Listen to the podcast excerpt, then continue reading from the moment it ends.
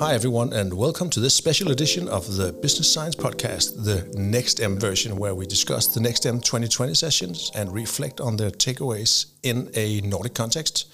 Today, we have Jesper Jørgensen, CEO of the Mediacom Group, to discuss the Next M panel discussion uh, with the very specific headline they had today, which was The Future of Marketing. Great to have you here, Jesper. Well, thank you. Uh, Jesper, you're a relatively new signing to the group, and I believe that you consider yourself a practitioner of uh, marketing uh, across all disciplines. Am I right? Yeah, yeah, you can say that because uh, I think my background is a bit diverse in this context. Uh, me coming from uh, seven or eight years from an advertising agency, and before that, uh, five, six, seven years from from actually a sister company of ours, Wunderman. So it's it's the left and the right side of the brain right now who is who's you know competing against each other in my mind. Oh, smashing! I think that uh, Daniel Kahneman and a couple of others will be happy that you say that, right? Yeah, yeah. Uh, excellent. Uh, I also have a sense, and I've gotten to know you over the last. I think it's the classical 100 days of getting on board, right? Yeah, yeah. we are we are over the 100 days now. Mm-hmm. Luckily. Yeah, yeah, and that's why I've seen you make some uh, rather bold announcements around how you're shaking up and setting this kind of should we call it the future of marketing, or at least a new strategic direction for the Mediacom Group, right? I, really believe it is a complete new strategic direction, also very uh, aligned with the, today's topic, I believe, uh, because the, the, reason that I'm here is to do a transformation of uh, what we think media can do. And uh, especially in the discussion in between media and creativity, I have uh, some uh, quite strong opinions uh, on uh, how those two actually can uh, coexist and how they should coexist for the future. And that is actually the essence of what we are trying to to build in in Mediacom Group today. Smashing. That also makes it a good choice that we asked you if you had the time to just uh, chat around the topic today. Yeah. I think you're the right guy to have a conversation around what the future is then, as you've already kind of like signaled that you have an opinion in that direction. In today's session, we heard uh, Amrita Randhawa, who's uh, the Mindshare uh, CEO of uh, China, I believe, uh, talking about the effects and what happened during the uh, the pandemic from an Asian perspective. And then there was a panel with uh, I'd say I'm not going to say the usual suspects, but there are a couple of guys here that I've, I've met before. Bob Hoffman, uh, the ad contrarian, really, really entertaining American. Oh, always a funny uh, bloke. Always fun, yeah. Then we had uh, Marion Koopman from Greenhouse Group in uh, the Netherlands. Yeah, she's very much from uh, the tech side, one could say, of the future. Uh, Anrata uh, Chuk, who was CMO of Ben and Jerry out of the UK. Uh, also uh, quite compelling. Um, Re really interesting to get her opinion on, on values and, and also purpose and or not purpose. To, yeah, exactly. Precise. Yeah, smashing. And then we had Rory Sutherland, who's uh, I think it's co-chairman of Ogilvy, also out of the UK. A grand grand old man in that sense. Oh, very much so. Very very much on the creativity line yeah. of things. And just as a, as a side note for you guys listening, if you haven't seen the keynote from uh, from NextM, there is uh, you can go and see it on uh, nextm.io, or we'll make sure that there is a link from the Business Science website. So we make sure that you have the background for all the intelligent stuff that Jesper and I will be discussing right here for the next 20 minutes or so. So, uh, and digging right in, because it was a great panel and it was also a great uh, intro, I believe.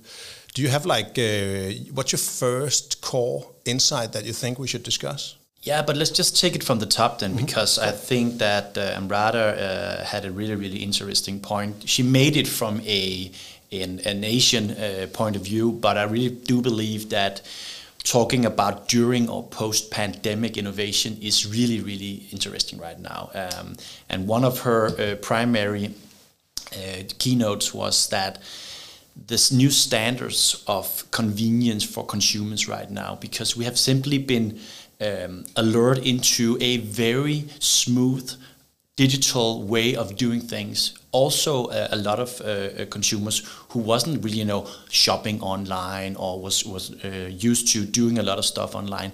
They are now, you know, forced into it, either when they go to the doctors, when they go to the movies, or whatever. And that's that's really really interesting that the, the pandemic has, you know, accelerated the, this innovation. I think that I'm totally with you on that one. I recall that when we shut down in Denmark in March, I was queuing up in the virtual supermarket. Yeah. I was in line as number 11,744. Yeah, yeah, exactly. But the thing is that I was just sitting with my phone in an 11,000 people line, and then I just shopped in an unrushed relationship, and I'm never going back to a physical supermarket. No, no, no, and that that's that's the thing, right? Because uh, it's it's both for for me as a consumer, but it's also for a lot of the brands that we're working with.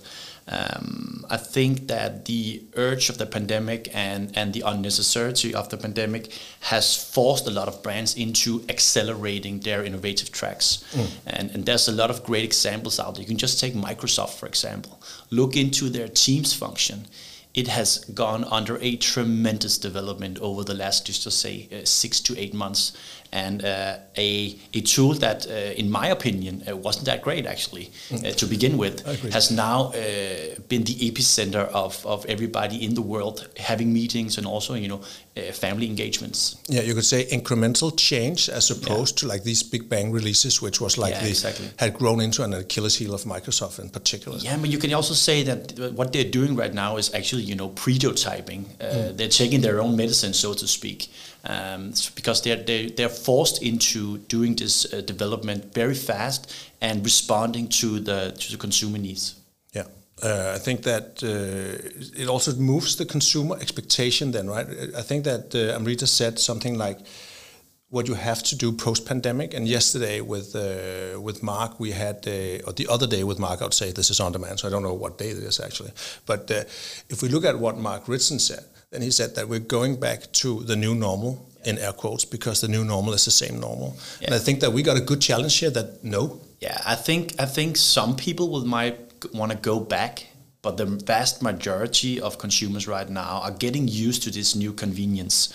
It is simply easier for them to do everything uh, from home. It is easier to use their phone. It is easier to engage with their favorite brand and and why should you want to go back from that? So I think when Amrita she talks about responding to uh, these new expectations or the new consumer demand, uh, we can agree that uh, as for instance with Microsoft, like you just mentioned, uh, you can develop or prototype your products. But if we like zoom into how you are a brand in the market, uh, could you reflect on what we as marketeers what are the consequences to us then of that? Yeah, it, it's actually you know a form of new discipline in the traditional marketing when we are talking about customer experience. It has been a, a topic for many years, but uh, I think an agency like ourselves, you know, we are lacking the, the expertise or the capabilities within the UX understanding of a customer journey.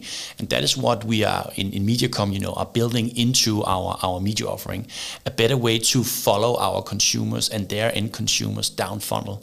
So to, to pick up from Amrita is it's all about understanding the barriers of that journey, and you could say uh, we have this we have this uh, juice and beverage uh, company in Denmark, Joe and the Juice, and um, uh, very known for their uh, mood, their you know playing loud music, uh, serving serving. Um, greens and and also lunches in a very you know um, in, interesting environment, but they have always struggled with digitalizing their journey. And within two or three months, because a lot of their shops all over the world was closed, you immediately they're in airports, they're in malls and stuff like that. They had to digitalize their journey. So what they did was that they built an app very, very quickly, so you can actually pre-order your food. You could uh, build on your loyalty scheme, but you could also choose where to pick up your food. And actually, they did an integration into uh, some of the carriers that are bringing our food today. So this is an example of a what you could say could start in marketing, mm. but actually you know, builds into tech. I think that's a, a, really, really good point. I think that uh, we've been preaching agile for uh, for a couple of years now, right? And agile has been kind of like an excuse for not planning stuff, but it's that's not what it's supposed to be. Agile is supposed to be about thinking on your feet and planning stuff, but in a much more real-time manner, one could say, right? Which is uh, in the core nature of marketeers. Yeah, but it's the core nature uh, for marketeers also to be very focused on media to be very focused on the means to the goal, right? Not especially, you know, looking at what is the product we're actually driving traffic towards. And this is where I believe that there is a gap There's a gap in what we're doing today and what we'll be doing tomorrow. In order for us to close that gap, we need to build on the capabilities like you know Flip Studio here in Group M, but also bridging towards much more understanding of the UX in a product. And and this is where it becomes very very interesting, and and we will see that acceleration. I think keep evolving over the coming years. Also, hopefully, when we are out of that pandemic. Yeah, I think you're very right, and I think that that is uh, we can go into many different examples on how the UX becomes a competitive advantage and thus a marketing advantage, right? Yeah, exactly. So and uh, it's also we discussed uh, uh on the backside of the Mark Ritson uh, keynote that that uh, you can invest if you keep investing in a crisis, then it gives you a multi a multiple on your brand value and and your brand benefit uh, but it doesn't fix a broken product. No, exactly. And actually, building on that argument uh, from Mark Ritson, what Joe and the Juice did really good was actually do a long-term investment instead of you know just shortening their investment and you know keep spending a lot of uh, a lot of money in media because that's not really the case in the pandemic for them right now. The, the case was you know build a digital solution for your consumers, and that's what they did with a long-term side. I'm going to use the, the, really good example. I'm going to use that to segue into one of uh, Bob Hoffman's. Uh, I would call it continuous points when we hear him at conferences. Yeah, yeah, I really, really enjoy that guy. He is super uh, in the target audience, and so uh, and so am I. Actually, just turning uh, on the on the other side of fifty, uh, and I think Rory Sutherland said comfortably on the other side of uh, yeah, fifty. Yeah, There is, uh, and just for reference, Joe and the Juice is a very youth-oriented, loud music, excellent food, greens like you say, but also you have to like uh, a, bit of a beat in the background while you eat, right? Yeah, exactly. Um, uh, so there is this kind of like uh, they, I think Bob called it a narcissistic emphasis on marketing toward youth. Yeah. So yeah. that maybe 90% of our marketing is targeted to an audience that is poorer, uh, healthier, but poorer than uh, the older generations. Yeah. And if you go plus 50, you look at a, a demographic that is uh, wealthier than entire nations. So, uh, and we, you and I, we discuss this and we meet this once a year at a conference someplace, and then we keep marketing to a too young demographic. Am yeah, I right? Yeah. But, you know, marketing has been too heavily involved around the distribution and not the content we're actually uh, providing to, to the end consumer. And, and when we're talking about media, we're also talking about new media. And it's so easy for us as, as, as marketeers or as leaders in a, in a huge organization to be very focused on all the new stuff. And, and, and when something is new, it's also, you know, very uh, inspirational for young people to get involved in. And as we turn older, uh, me being uh, 36, you being uh, 50. Old. oh, just old. Um, we, we will keep, you know, saying to ourselves, well, I don't really understand that TikTok solution. So we better get some young people in to educate us on that. And what we do there is that we keep a very tight focus on the media and not what we put into the media. And I think that's actually the, the primary input from Bob is that we need a diversified uh, um, agency culture where we are able to have young people mid mid mid what's called uh, they talked about well in, in the mid 20s and 30s yeah mid 20s and 30s but also also young people. So we have a diverse culture that can actually put in you know uh, all the insights that is needed to have a diverse offer also. So i think uh, the focus on young people is is is primarily uh, when it comes to media and the distribution part yeah. Uh, okay. Uh, and I think that yeah, but I can support that with uh, with going back to the I think was that uh, what's name um, Andrada from uh, Ben and Jerry who said that we are she didn't say purpose driven. She used another word, and then she said value driven. I believe. yeah, exactly. And and you could say that purpose marketing and say what are we here for and why are we here is uh, is usually something we we paint on our brand to kind of like cover up a story, roughly yeah. speaking. Yeah. Uh, but if she claims to be truly value driven, and she would prefer to have fewer not customers but fans. So if you look at a value driven focus as rather to a growth oriented or reaching all audiences, I think that uh, was that Rory Sutherland who mentioned the um, Michael Jordan quote. So it's come, uh, becoming a meta quote. It was like.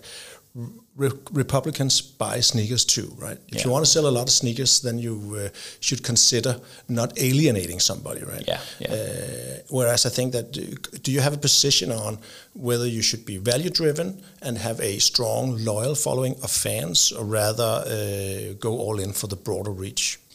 I'm actually with uh, Amrata Chu here on on her primary point that an organization needs to have the right values and uh, exploit that you know by showing the right behavior.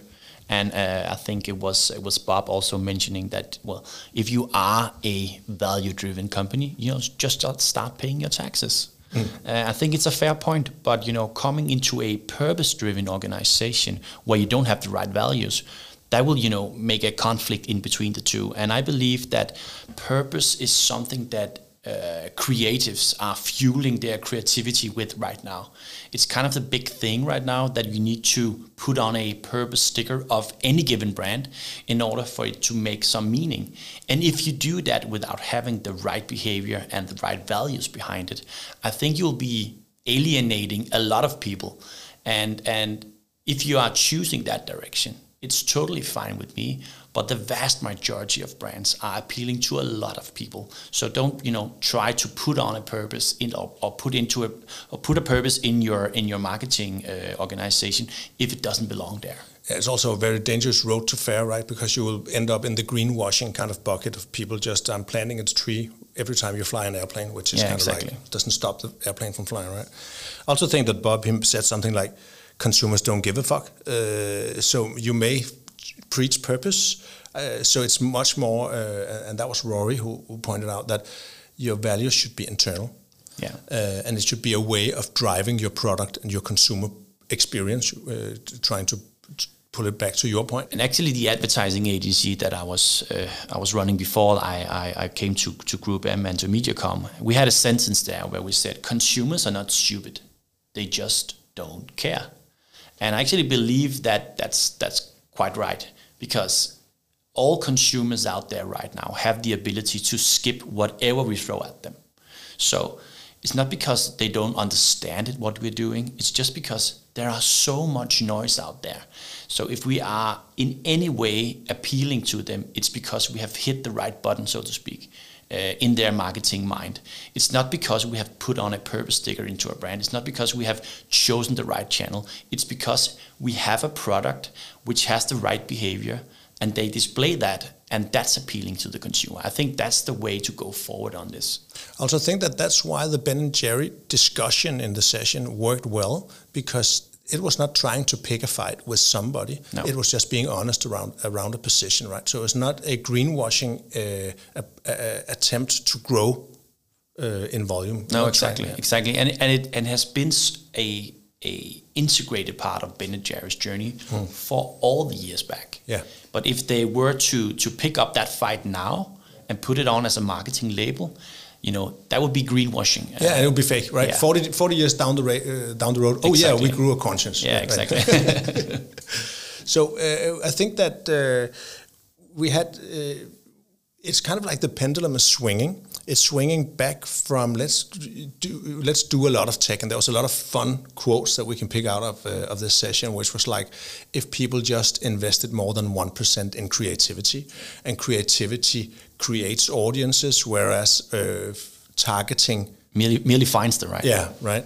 Uh, and that kind of like schisma is, uh, well, being a, a, techie like I am, I, I, see it as a pendulum. So now it's been in fashion to buy a lot of marketing technology for a couple of years. Now we recognize that we've forgotten to talk about the creativity and what we talk about as a, as a very weighing in position. You could call it the customer experience or the customer promise. Uh, but I could also argue that we could have a discussion around how that pendulum swings because we, do you think we should just turn off all the tech? No, no, no, I don't think we should turn off all the tech, but I, I understand why we are so fascinated by tech. Mm. Because mm. for many years we have had a discussion about uh, always on, that a brand should be always on.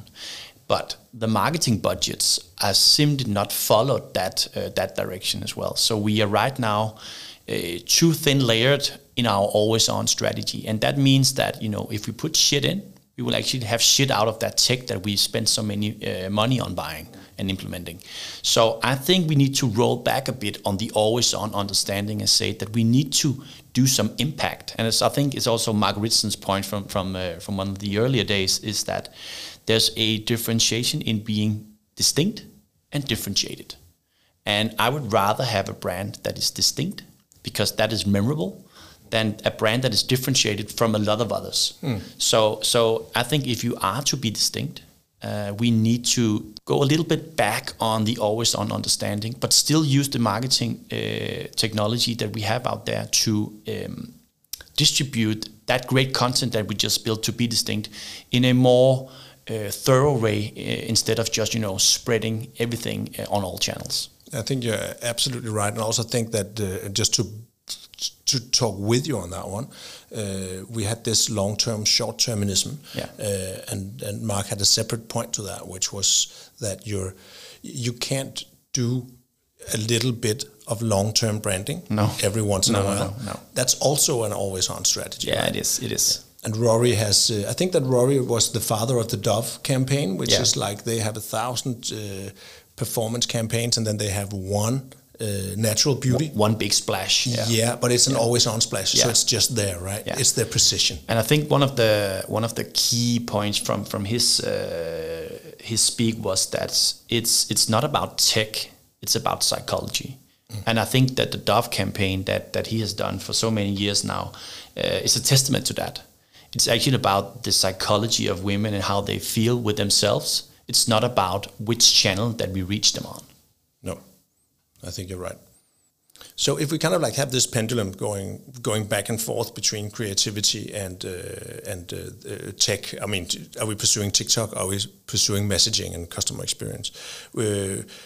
We've we've been discussing you and I uh, what is the future of planning. So in back in the day when I was your age, uh, we had strategic planners, and they were not about channel planning; they were around planning messages, right? Yeah. So do you, do you have a take on what's the future of planning, and how do you how do you balance out this channel planning and messaging? Yeah, of course. So I think there's you know really three elements in strategic planning going forward. There is the understanding of the technical possibilities out there, and with that I mean all the platforms available for us as marketeers. But there's also the understanding of creativity the short term versus long term understanding, how to build a brand. And then the third one is going back to what we originally started with values, the right behavior of organization. And I believe it's in that triangle the strategic planner will have its future. Uh, this is where we need to uh, build the foundation for future brands. This is in between those three tech, creativity, and values and understanding of, of organizational behavior that the strategic planner will, uh, will um, function. It's also interesting how that we were listening to uh, to a panel where the two white guys, you know, they were old like me, and they were kind of like anti-tech. And I think that what we're discussing right now, and you are way younger than me, is that there's it, it's a balance, and we should not let that pendulum. It's not switch off like we just talked about earlier. It's more like how do you how do you capitalize on the stuff you've done, yeah, and how do you unforget the stuff you've forgotten, so to speak, when it comes to uh, comes to uh, the the actual purpose of marketing, right? Uh, I think it was Rory who also said so a lot of the stuff out there right now is like marketing on a selfie stick. Yeah. And I think that's a testament if we are too focused on one of, of the elements in that triangle, tech, creativity, and values, it will be marketing of a self stick. We will be in that echo chamber, displaying ourselves in the way that we believe that we want to be displayed, not looking around and grasping the entire understanding of different consumers. Yeah, I totally love that. How how uh, focusing on marketing to the youth was also this kind of like uh, what's it called uh, um, vanity as uh, as marketing, something like that, right? Yeah. So, uh, and building on that note, uh, in the quick uh, the quickfire Q and A end of the of the session today, they were discussing. So, what does this take? And going with the three balances you just mentioned, what does the future? What are the what are the demands to the to the CMO of the future? Yeah, but it, it's again coming back. It's really interesting to see them score the future. Let's say ten years from now on different media. There's one third of them, you know, believing in Facebook, half of them believing in cinema, uh, seventy-five uh, percent of believing in TV, and half of them believing in in uh, in out of home. But I think what they all agreed on was that we need to balance the understanding in between media and creativity because those two goes hand in hand. And if we succeed like Ben and Jerry has done or Patagonia has done, we put in the secret ingredients, and that's the values and, and actual behavior of the organization. And that's actually what a great CMO needs to uh, needs to grasp. And maybe that can be summed up in uh, in the the single word that Rory just bursted out when he got the question. He said the, the future CMO needs to be intelligent, uh, as opposed to just pursuing, for instance, short-term performance or measurement that doesn't really solve that. Uh, yeah, exactly. That balancing act yeah. you just described. Right? Yeah smashing Jesper. I think it's been an absolute pleasure to having you on this show. We could call it a show now, right? This, uh, Thanks for having me. Um, we'll have you back at a later stage, but just to wrap it up for today, uh, you can. Uh, this is the second, or at least it's one of the three podcasts that we'll be doing in connection to the NextM 2020. Uh, make sure you watch the actual uh, sessions uh, on video. You can find them on uh, nextm.io. And then I'd like you to check out the, the Business Science website uh, where we can help you find the links for those sessions. You can actually find this podcast Uh, if you don't know how you found it this time around. And there'll be more podcasts from our hand. Thank you, Jesper, for your time. It's been a pleasure. You too. Thanks.